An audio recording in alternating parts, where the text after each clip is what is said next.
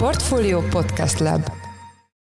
A beszállítói láncban megjelent egy ilyen peer pressure gyakorlatilag, ahol, ahol egymástól várják el azt a szereplők, hogy, hogy folyamatosan racionalizálják ESG szempontok szerint is a, a működésüket. Azonnali dekarbonizációs programokat kellene indítani ahhoz, hogy megálljon a hőmérséklet növekedés egy olyan tartományban, amit ugye másfél foknak, illetve hát egy, egy két fokos pluszt is még elviselhetőnek tart a rendszer, és a másfél fokot már nem is biztos, hogy tudjuk tartani. De mondjuk egy 4-6 fokos szenárió az már tényleg az, amikor szénné égünk, és Mad Max világban sem atozunk, és nem tudunk növényeket fogyasztani, állatok sincsenek költünk. Mindenkit üdvözlünk, ez a Portfolio Checklist szombati bónuszadása, ami a PVC Magyarország támogatásával jelenik meg. Kedden lezajlott a Portfolio Sustainable World 2022 konferenciája, melynek célja, hogy a környezeti, társadalmi és igazgatási népszerűbb nevén ESG szempontból legelőjáró vállalatok, szervezetek kezdeményezéseinek bemutatásán keresztül támaszként szolgáljon azon cégeknek, amelyek e folyamatban zajló potenciált még csak most kezdik kiaknázni. A konferencián elhangzott legérdekesebb felvetésekkel az ESG átállás hazai folyamataival, valamint a rendezvényen kiosztott Green Awards elismerésekkel kapcsolatban. Itt van velünk a stúdióban Hatta Anita, a PVC Magyarország partnere, és Bozsik Balázs, a PVC Magyarország fenntartatósági és ESG üzleti szolgáltatások vezetője. Szia Anita, üdvözöllek a műsorban. Szia, köszönjük a meghívást. Balázs, szia, téged is üdvözöllek. Szia Dávid. Első kérdésem, hogy milyen hatása volt a fenntarthatóságra a koronavírus járványnak? Ugye itt volt egy nagy kibocsátás visszaesés, például ez mennyire volt tartós, illetve azok az egyéb szempontok, ami 2020-21-ben megjelentek, ezek mára mennyire maradtak fenn? Hát volt egy pillanat, amikor a klímával foglalkozó szakemberek fellélegeztek, mert valóban a, a Covid-válság az egy csomó iparágban okozott leállást, amiatt a nagy szennyezők, a nagy széndiokszid kibocsátók befejezték a működésüket ideiglenesen, és egy kicsit így fellélegezhetett a bolygó, de utána ebből a visszaállás, az ahogy visszataláltak a, a beszállítói láncok, és a termelés újraindulhatott, ez, ez el is tűnt. És tulajdonképpen itt mindig a, a klímaszakpolitikával foglalkozó szakemberek azt vetik fel, hogy egy-egy válság az lehetőség lenne arra, hogy valóban transformáljuk az üzleti életet, de akár a háztartásoknak a hozzáállását is így a, a környezeti problémákhoz, és egy picit azt mondják, hogy ez egy ilyen elmaradt lehetőség volt. Ugyanakkor nagyon szorít bennünket az idő itt a klímaválság kapcsán, ami gyakorlatilag ugye az üvegházhatású gázok kibocsátásához kapcsolódik, és azonnali dekarbonizációs programokat kellene indítani ahhoz, hogy megálljon a hőmérséklet növekedés egy olyan tartományban, amit ugye másfél foknak, illetve hát egy, egy két fokos pluszt is még elviselhetőnek tart a rendszer, és a másfél fokot már nem is biztos, hogy tudjuk tartani. De mondjuk egy 4-6 fokos szenárió az már tényleg az, amikor szénné égünk, és Mad Max világban sem atozunk, és nem, nem tudunk növényeket fogyasztani, állatok sincsenek költünk. Tehát tehát van egy ilyen ijesztés, és, és tulajdonképpen ez a kérdés, hogy mennyire indult el a transformáció, és a COVID az, az, az úgy látszott, hogy, hogy, hogy ezt a dolgot igazából tartósan nem fogja támogatni. A digitális fordulat nagyon erős volt, illetve bejöttek olyan céges logikák, hogy hogyan dolgozunk például irodába, mit jelent mondjuk egy globális együttműködés, vagy mondjuk a beszállító láncok rövidülése, ezek szerintem mindenképpen tartósan velünk maradnak. És ugye ebből a válságból léptünk át aztán egy, egy energiaválságban Európában, ami egyrészt a szennyezési jogokról is szólt, tehát az LTS rendszerben a, a szennyezési kibocsátási árak azok felugrottak, és, és lett egy nagyon erős gázárnövekedés, áramár növekedés, és ennek a volatilitása, tehát az árak változékonysága is, is az egekben van. És ezt viszont mindenki tökéletesen érzi, és ez, ez, ez ad egy gyorsulást energia oldalról az átmenetnek. Igen, ezt akartam mondani, hogy öröm az ürömben, hogy egyik válságból kijöttünk, és most megyünk is bele a következőbe, tehát ez újabb lehetőség lehet arra, hogy akkor tartós változásokat indítsunk el. De mi kell ahhoz, hogy, hogy ez ne megint egy ilyen pillanatnyi reakció legyen, ahol esetleg átmenetileg elkezdenek mondjuk kevesebb energiát használni a cégek a, a működésükhöz, vagy átnézik a folyamataikat, de hogy utána ez tényleg tartósan benne maradjon a, a működésbe, és ne arról legyen szó, hogyha mondjuk csillapotig a háborús helyzet, vagy valamilyen EU-s megállapodás miatt mondjuk lejjebb megy az energiaára, akkor ne álljanak vissza ugyanazokra a folyamatokra, mint amiben most benne vannak. Ugye a vállalatok túlélése az a, az, az alkalmazkodáson múlik, és azért 5-10 évente a vállalatoknak amúgy is valamilyen módon meg kell újulniuk, ami ugye a magtól indul, ami ugye a vállalati stratégiát jelenti. Ez sokszor összekapcsoltat azzal is, hogy mi a, mi a vállalatnak a hatása, miért létezik a vállalat, ezt kell végig gondolni. Ugye a fenntarthatóság rendszerében divatosan mondhatjuk ezt a purpose, tehát hogy valamiért létezni, ez egy, ez egy, ez egy, ez egy fontos dolog egy vállalat életében, és gyakorlatilag amikor végig gondolja a stratégiát a fenntarthatóság mentén, akkor megérti azt, hogy, hogy az ő létezése az hogyan hat a társadalomra, illetve az, ahol a társadalom létezik, a, a környezeti hatás, tehát a, a környezetre, ahol élünk.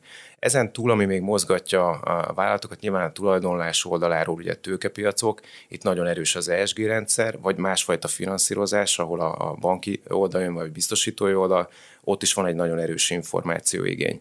Ezen túl a vállalatok ugye általában értékesítenek valamit, tehát van egy vevőkörük, és akkor ebből elkezdtünk a beszállítói láncokhoz, tehát meg kell érteni azt, hogy a vevők mit várnak el tőled, és ez is egy nagyon erős mozgatórugó, nyilvánvalóan ezt érzik a bevételi oldalokon is, hogy meg kell felelniük. És akkor tulajdonképpen utolsóként hagytam azt, hogy a szabályozás, de ez a szabályozás, ez egy ilyen cunamit kell elképzelni, tehát hogyha mondjuk a, a, pénzintézeti szektort vesszük, akkor a, a korábbi pénzintézeti szabályozások bázáról mindenki hallott, illetve a MIFID szabályozás, hogy szakembereink szerint kollégák, akik 25 éve nézik ezt a piacot, a mostani joganyag már most háromszoros, ami így a, a zöldülés és a, és, a, és a társadalmi átalakulás kapcsán elvárható dolgokat próbálja szabályozni az Unióban, tehát hogy óriási mennyiségű szabályozási anyag is rászabadult mind a vállalatokra, mind az őket finanszírozó pénzintézetekre. És hogyha így áttérünk akkor az üzleti környezetre, milyen motivációik vannak a, a magyar cégeknek, akár egy kicsit célbontva egy ilyen magyar nagyobb KKV, meg nemzetközi multi magyarországi leányvállalata tekintetében, hogy honnan jönnek azok a motivációk, ami miatt ők akár zöld projekteket szeretnének bevezetni, vagy ESG szempontoknak jobban meg szeretnének felelni. Ugye van egy ilyen prekoncepcióm, hogy mondjuk nyugaton van egy ilyen erősebb, vagy Nyugat-Európában, Észak-Amerikában van egy erősebb társadalmi nyomás is. Ez mintha kevésbé lenne érzékelhető itthon, de akkor miért döntenek mégis úgy a cégek, hogy belevágnak egy ilyen típusú átállásba? Ahogy a Balázs is említette, ugye itt a beszállítói láncok, tulajdonosi elvárások, fogyasztói elvárások, erről a hármas kombinációról beszélhetünk, és igen, elég erősen megjelenik az, különösen a, a multinacionális vállalatok magyarországi lányvállalatai körében, hogy mit vár el a külföldi tulajdonos, Általában a külföldi tulajdonosok egy olyan keretrendszert próbálnak biztosítani a magyar lányvállalataik számára gyakorlatilag egy, egy roadmap-el érkeznek, hogy mik azok a pontok, amiknek a magyar leányvállalatnak is meg kell feleljen ahhoz, hogy benn maradhasson abban a környezetben, és az, az általa előállított termékek külföldön is értékesíthetővé váljanak. A magyar KKV szektor ebbe ugye úgy kapcsolódik bele, hogy ők beszállítói, a legtöbb KKV beszállítója valamilyen multinacionális vállalatnak, vagy annak a magyar lányvállalatának, és ők is szerintem idéntől fokozottabban tapasztalják azt, hogy egy beszállítói átvilágítási folyamatban, egy beszállítói due diligence folyamatban egyre inkább előtérbe kerülnek a, az ESG szempontok, az energia megtakarítási, kibocsátási szempontok. Tehát a, a beszállítói láncban megjelent egy ilyen peer pressure gyakorlatilag, ahol, ahol egymástól várják el azt a szereplők, hogy, hogy folyamatosan racionalizálják ESG szempontok szerint is a, a működésüket. És hát a Balázs említette a fogyasztókat, tehát ne feledkezzünk el a végfogyasztókról, különösen a fiatal fogyasztókról, akik egyre tudatosabban keresik azokat a, a megoldásokat, azokat a szolgáltatásokat és termékeket, amik valóban zöldek, és valóban érzik azt, hogy azzal, hogy megveszik a, megvásárolják azt a szolgáltatást és terméket, azzal ők tudatosan a bolygónak a megmentését is szolgálják. És ehhez kapcsolódik még így a fiatalok, hogy a fiatalok ugye egy másik piacon is megjelennek, nem csak fogyasztóként, hanem munkavállalóként, és amit egyébként így a cégekkel beszélgetve mindig tapasztalunk, az az, hogy, hogy mi a munkaerő elvárása egy céggel szemben. Tehát, hogy, hogy mi, az, mi az, mivel tud azonosulni, és, és sokszor ugye ezt is el kell magyarázni, akár egy, egy jelentésbe, vagy a céges úgy integrált kommunikációba, hogyan jelenik meg ez a téma. Tényleg elhiszi ezt valaki, hogy, hogy ő egy jó, jó ügyért tud dolgozni, ez, ez, ez fontos lett. És ugye ez is a Covid-ban alakult ki, hogy bizonyos iparágoktól elvándrolt a, a munkaerő, és strukturális munkanélküliség alakult ki most is, nehezen találnak vissza, mert nem volt az a, az iparág a Covid válság alatt biztos foglalkoztató, máshol meg, meg szépen el tudtak helyezkedni, átképezték magukat az emberek. Tehát ez egy, ez egy fontos tendencia. Másik része a digitális transformáció, ez nagyon fontos így az S témában is, tehát a social vagy societal témában, ami a társadalmi hatásokat elemzi.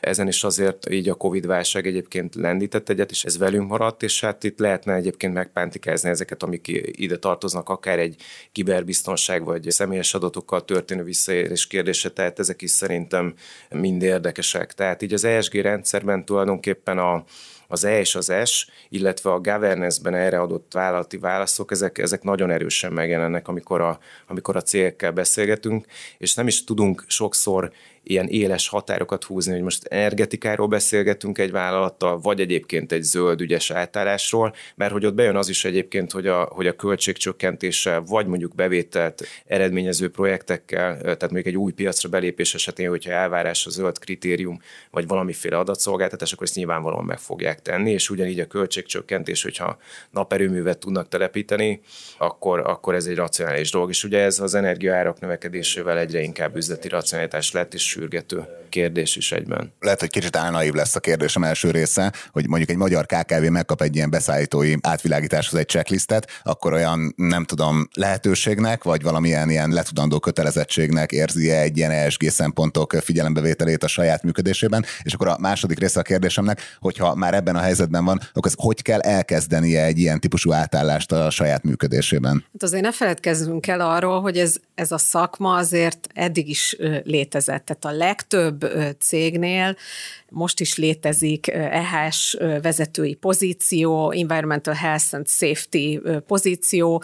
Ezek a kollégák foglalkoznak azzal, hogy a különböző hatóságok felé jelentik a, a társaságoknak a, a kibocsátási adatait. Tehát eddig is léteztek ezek az információk. Az a kérdés, hogy most ezeket az információkat kikkel kell megosztani, és hogy ezeket milyen formába kommunikáljuk. Eddig ezek egymástól, a pírektől, a vevőktől el voltak, vagy a, a finanszírozóktól idézőjelben el voltak zárva. Eddig ez csak hatóságok felé jelentették. Most ez a kör úgymond összeér, és ezek a hatóság felé jelentett információk hirtelen publikussá, elérhetővé válnak, akár a vevők számára, akár a, a, a finanszírozók számára.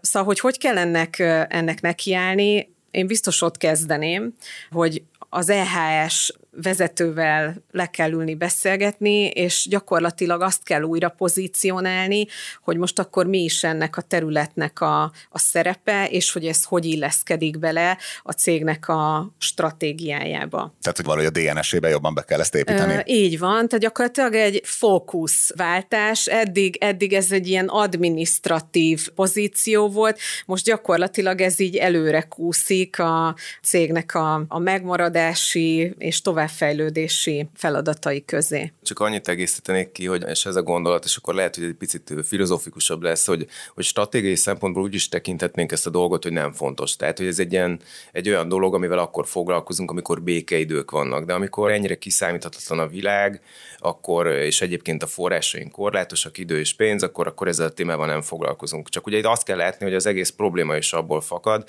hogy van egy, van egy energia átmenet, egy, egy zöld átmenet, ami egyébként makroszinten akár meg fog emelni az inflációs környezetet, mert a zöld országok kifejlesztésére egyébként beruházni kell, tehát egy drágább, egy másfajta világba megyünk át, és ezzel a dologgal nem foglalkozni, ez ez a stratégiai hiba. Tehát nem az van, hogy mi azért foglalkozunk ezzel, mert egyébként ez egy hobbi, és, és marad rá időnk, meg, meg etikai kérdésként érzi mondjuk egy CEO, hogy, hogy ő egyébként így tudja, hogy ő egyben édesapa vagy édesanyja is.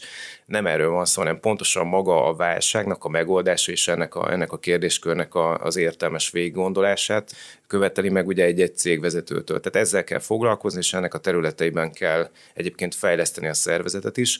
És amit Anita mondott, hogy klasszikusan például egy EHS-nél voltak ilyen típusú témák, vagy lehetett az, hogy mondjuk egy CSR jelentést, ez még a korábbi, ez a Corporate Social Responsibility-re vonatkozó, nem a mostani CSR, ami alatt már a corporate sustainability reportingot értjük. Tehát ugyanaz a három betűt teljesen más tartalommal, nyilvánvaló, hogy máshova kell delegálni. És amikor már egy, egy, egy cégen belül több területnek kell összefogni a munkáját, esetleg sokfajta fejlesztésünk, beruházásunk van, amihez mindenhez kapcsolódik, akkor ott már ezt nehéz lenne azt mondani, hogy mondjuk ez C-level szinten nem jelenik meg, vagy mondjuk nem foglalkozunk mondjuk stratégiai szinten ezzel. Tehát utána kell húzni a szervezetet, és, és allokálni kell kerül erőforrást erre, és nem egy, nem egy plusz témaként kell kezelni, amivel akkor foglalkozunk, amikor, amikor van időnk. Kerekasztal beszélgetések egyikén elhangzott az kérdésként, hogy hogy vezérigazgatóként mennyit foglalkoznak a vezérigazgató urak, akik kindültek a színpadon, mennyit foglalkoznak ezzel a témával.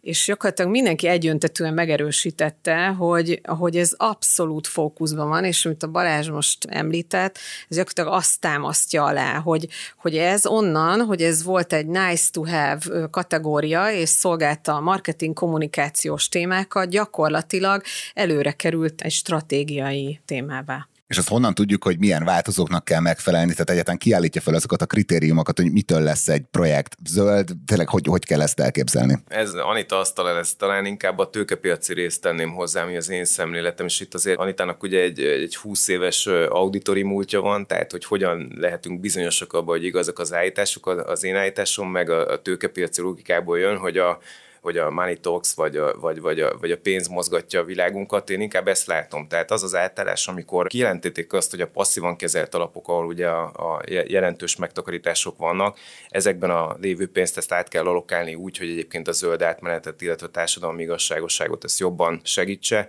Ez volt szerintem az a momentum, amikor a, a, meghallgatták ugye a, a klímapolitikusokat, meghallgatták a nem tudom, a körforgásos gazdaságról beszélő tudósokat, és ez hozta meg a, az igazi változást. Tehát tulajdonosként a tőkepiac iszonyatosan erős logikát diktál, ugye ez az USA-ban a legerősebb, most arra bekapcsolták ott is újra ezért a rakétasebességet, és fölzárkoztak Európához, és a logikájuk sokkal tisztább. Eleinte Európa sokkal jobban szabályozott így, a, így az ESG mentén, és előrébb jártunk. Ez a Trump adminisztrációhoz is köthető, hogy a téma ott el volt nyomva de, de mostanra nagyon erősen megérkezett ennek a logikája. Tehát én, én úgy látom, hogy a befektetői oldalnak a, az ESG rendszere nem hibátlan, hiszen az ESG befektetéseknek a, a plusz hozamigérete, vagy a, vagy a hosszú távon fenntartható szuperhozamai nem biztos, hogy ez a része igaz, de ugye azért a, a Szent Grát a befektetői oldalon nem nagyon szoktuk megtalálni, így legalábbis az elmúlt húsz évenben nem láttam ilyet, hogy valaki megtalálta volna tartósan.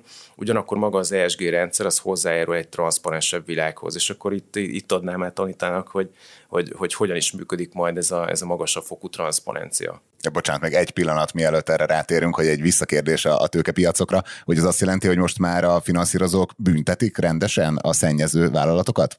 Abszolút. És ugye vannak elutált iparágak. Most nyilván a dohányzás az egy ilyen nagyon klasszikus, hogy hát azt meg miért kellett hagyni, de mondjuk az olajipar, aminek azért ugye látszik, hogy van hely a világban, egy borzasztó nagy kémiai tudás van az egészben, ugyanakkor ez a foszilis világunk ez nem fenntartható, tehát át kell alakulni, hogyan tudjuk segíteni ezt az átmenetet, hogyan tudjuk kontrollálni, hogyan tudjuk ezt az egész ESG rendszert majd kapcsolni a fenntartatásra, ez, ez, egy kérdés. De mondjuk, ami nem teljesen triviális, azt mondjuk a gyógyszeriparral szemben mit várnak el mondjuk a, a befektetők, vezetők, és azért ott már nagyon sok olyan dolog van, ami, ami így elgondolkoztató, hogy nem, nem túlzás sem mondjuk ezt egy, egy, egy, egy iparáktól egyébként elvárni, aki egyébként az elmúlt időszakban ugye a business of business is business profit alapon működtek, és köszönjük szépen jól el voltak, egyébként meg rettentően szabályozott iparágakban. Úgyhogy nagy változások vannak, és, és vannak kitüntetett iparágak, ahol ugye a legnagyobb szennyezések jönnek létre, ott kell először a transformációt megcsinálni, hogy a nagy hatásokat érezhessük a környezetben. És a könyvvizsgálói oldalon egyáltalán honnan tudtátok, hogy mit kell nézni? Tehát, hogy itt ilyen teljesen új skilleket kellett kialakítani? Kanyarodjunk egy kicsit vissza a szabályozáshoz, hogy, hogy honnan indulunk. Ez az egész sztori ugye 2019-ben indul, a European Green Deal-lel, elindul egy, Balázs már említette, egy szabályozási cunami, tényleg soha nem látott bonyolultsággal, és az Európai Unió összes intézmény rendszerét bevonva. Na és ebben a szabályozási cunamiban az első lépés, hogy a Balázs is említette, a tőkepiacoknak, tehát a finanszírozóknak a szabályozási hátterének a, a megváltoztatása volt számukra megjelent egy olyan rendelet, ami, ami előírta ez a úgy SFDR rendelet, ami gyakorlatilag előírja, hogy mutassák be a portfóliójukról azt, hogy mennyire is szolgál az zöld célokat. Na de honnan tudjuk, hogy mi az, hogy zöld?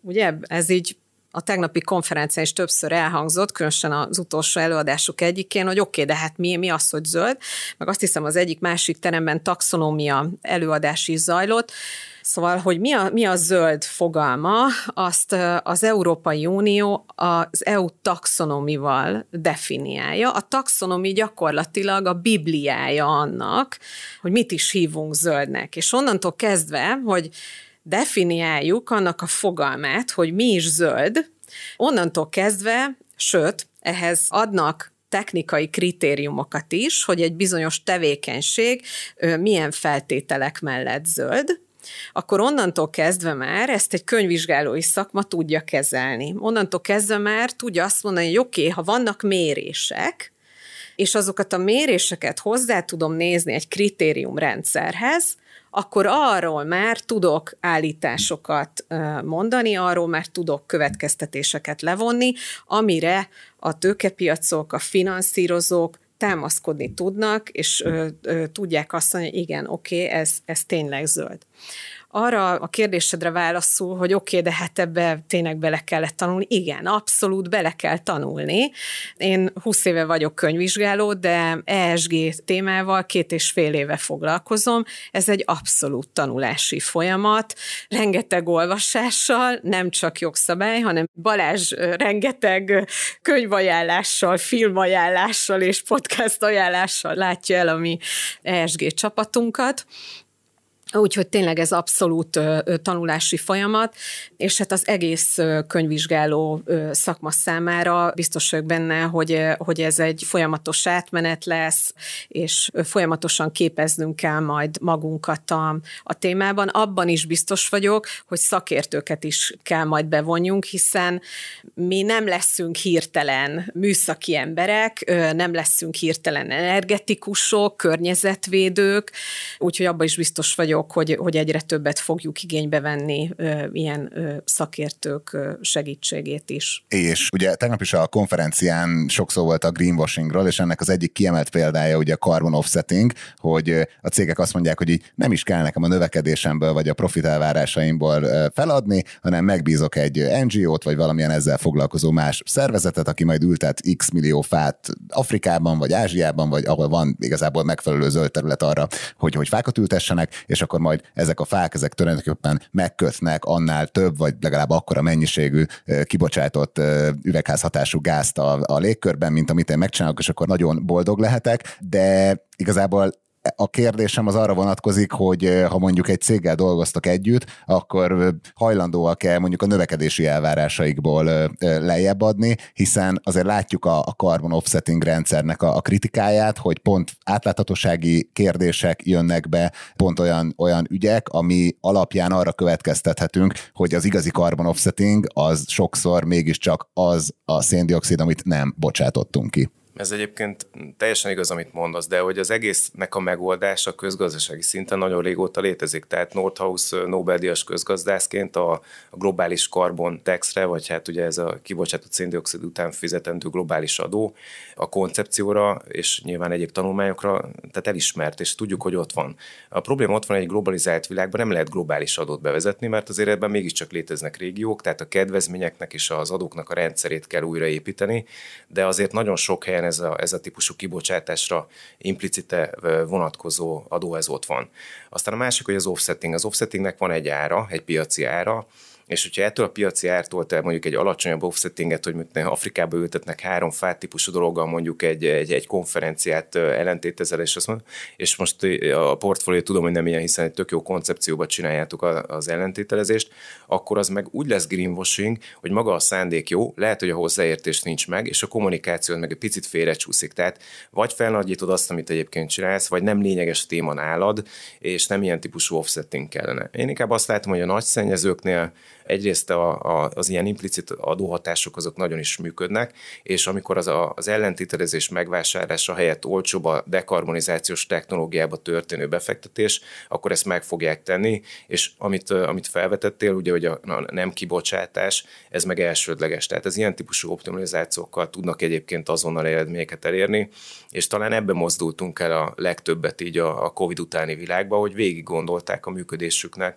illetve a termelésen keretkező ilyen típusú kibocsátásoknak a, az optimalizálását, és, és, és ezzel érnek el viszonylag jó eredményeket. Ugye a GVH is bennült az egyik panelben, és ott hát valamennyire jelezték is, hogy elkezdték vizsgálni a különböző kijelentéseket a, a neten, a, a, akár a magyar cégek termékeiről vagy szolgáltatásairól is. Itt akkor várható-e egy, egy, egy, egy szorosabb ilyen felügyeleti fókusz a következő időszakban? Én azt gondolom, hogy valahol az igazság pillanatának el kell jönnie. Tehát az elmúlt két évben idézőjelbe boldog-boldogtalan, tehát net zero vállalásokat, valahol el kell jönni annak a pillanatnak, amikor meg kell mutatni, hogy ezek a vállalások, ezek meg tudnak-e valósulni, vagy megvalósultak.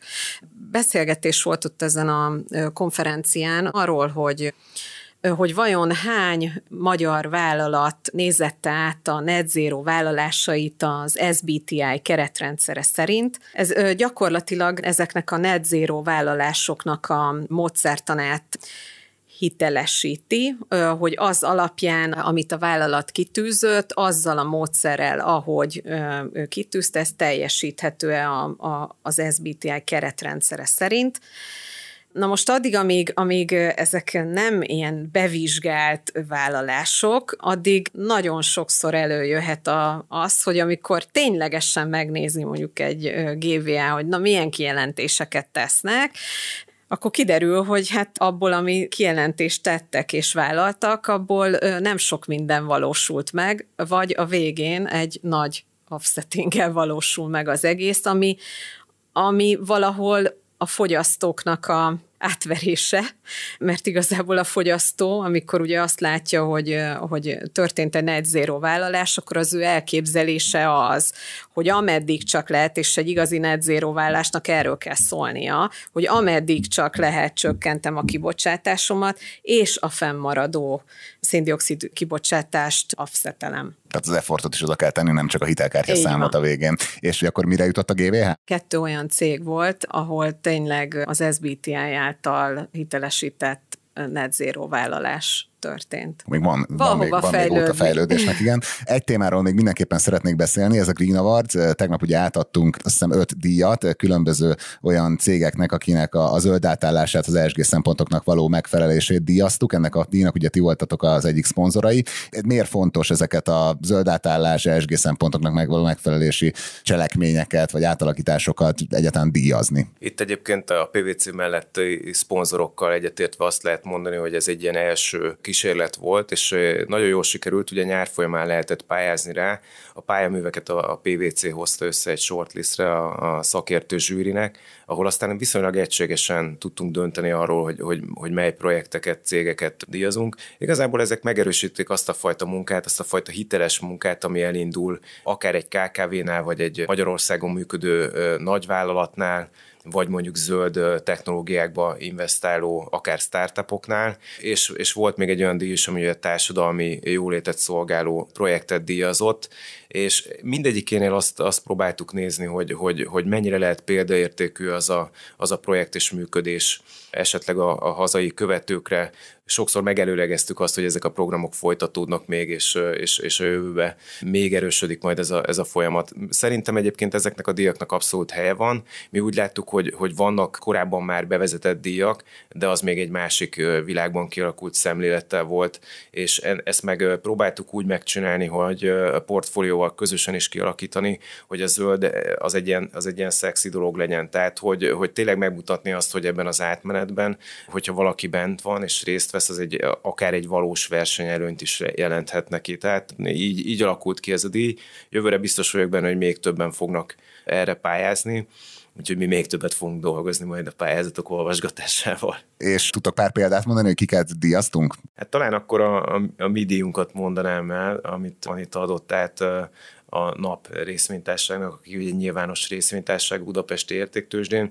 Egyrészt nyilvánvaló, hogy ez egy, ez egy jó dolog, naperőmű parkokat üzemeltetni. Lehet, hogy megavat kapacitásban nem ez a legnagyobb magyarországi ilyen típusú projekt, de az mindenképp egy nagyon bátor kezdeményezés, hogy, hogy megjelent a, a piacon, a Budapest értéktősde piacán, a nyilvános működést felvállalva, és itt már azért folyamatos növekedéssel újabb körökben von be tőkét, és remélhetőleg ez a tendencia nem áll meg itt.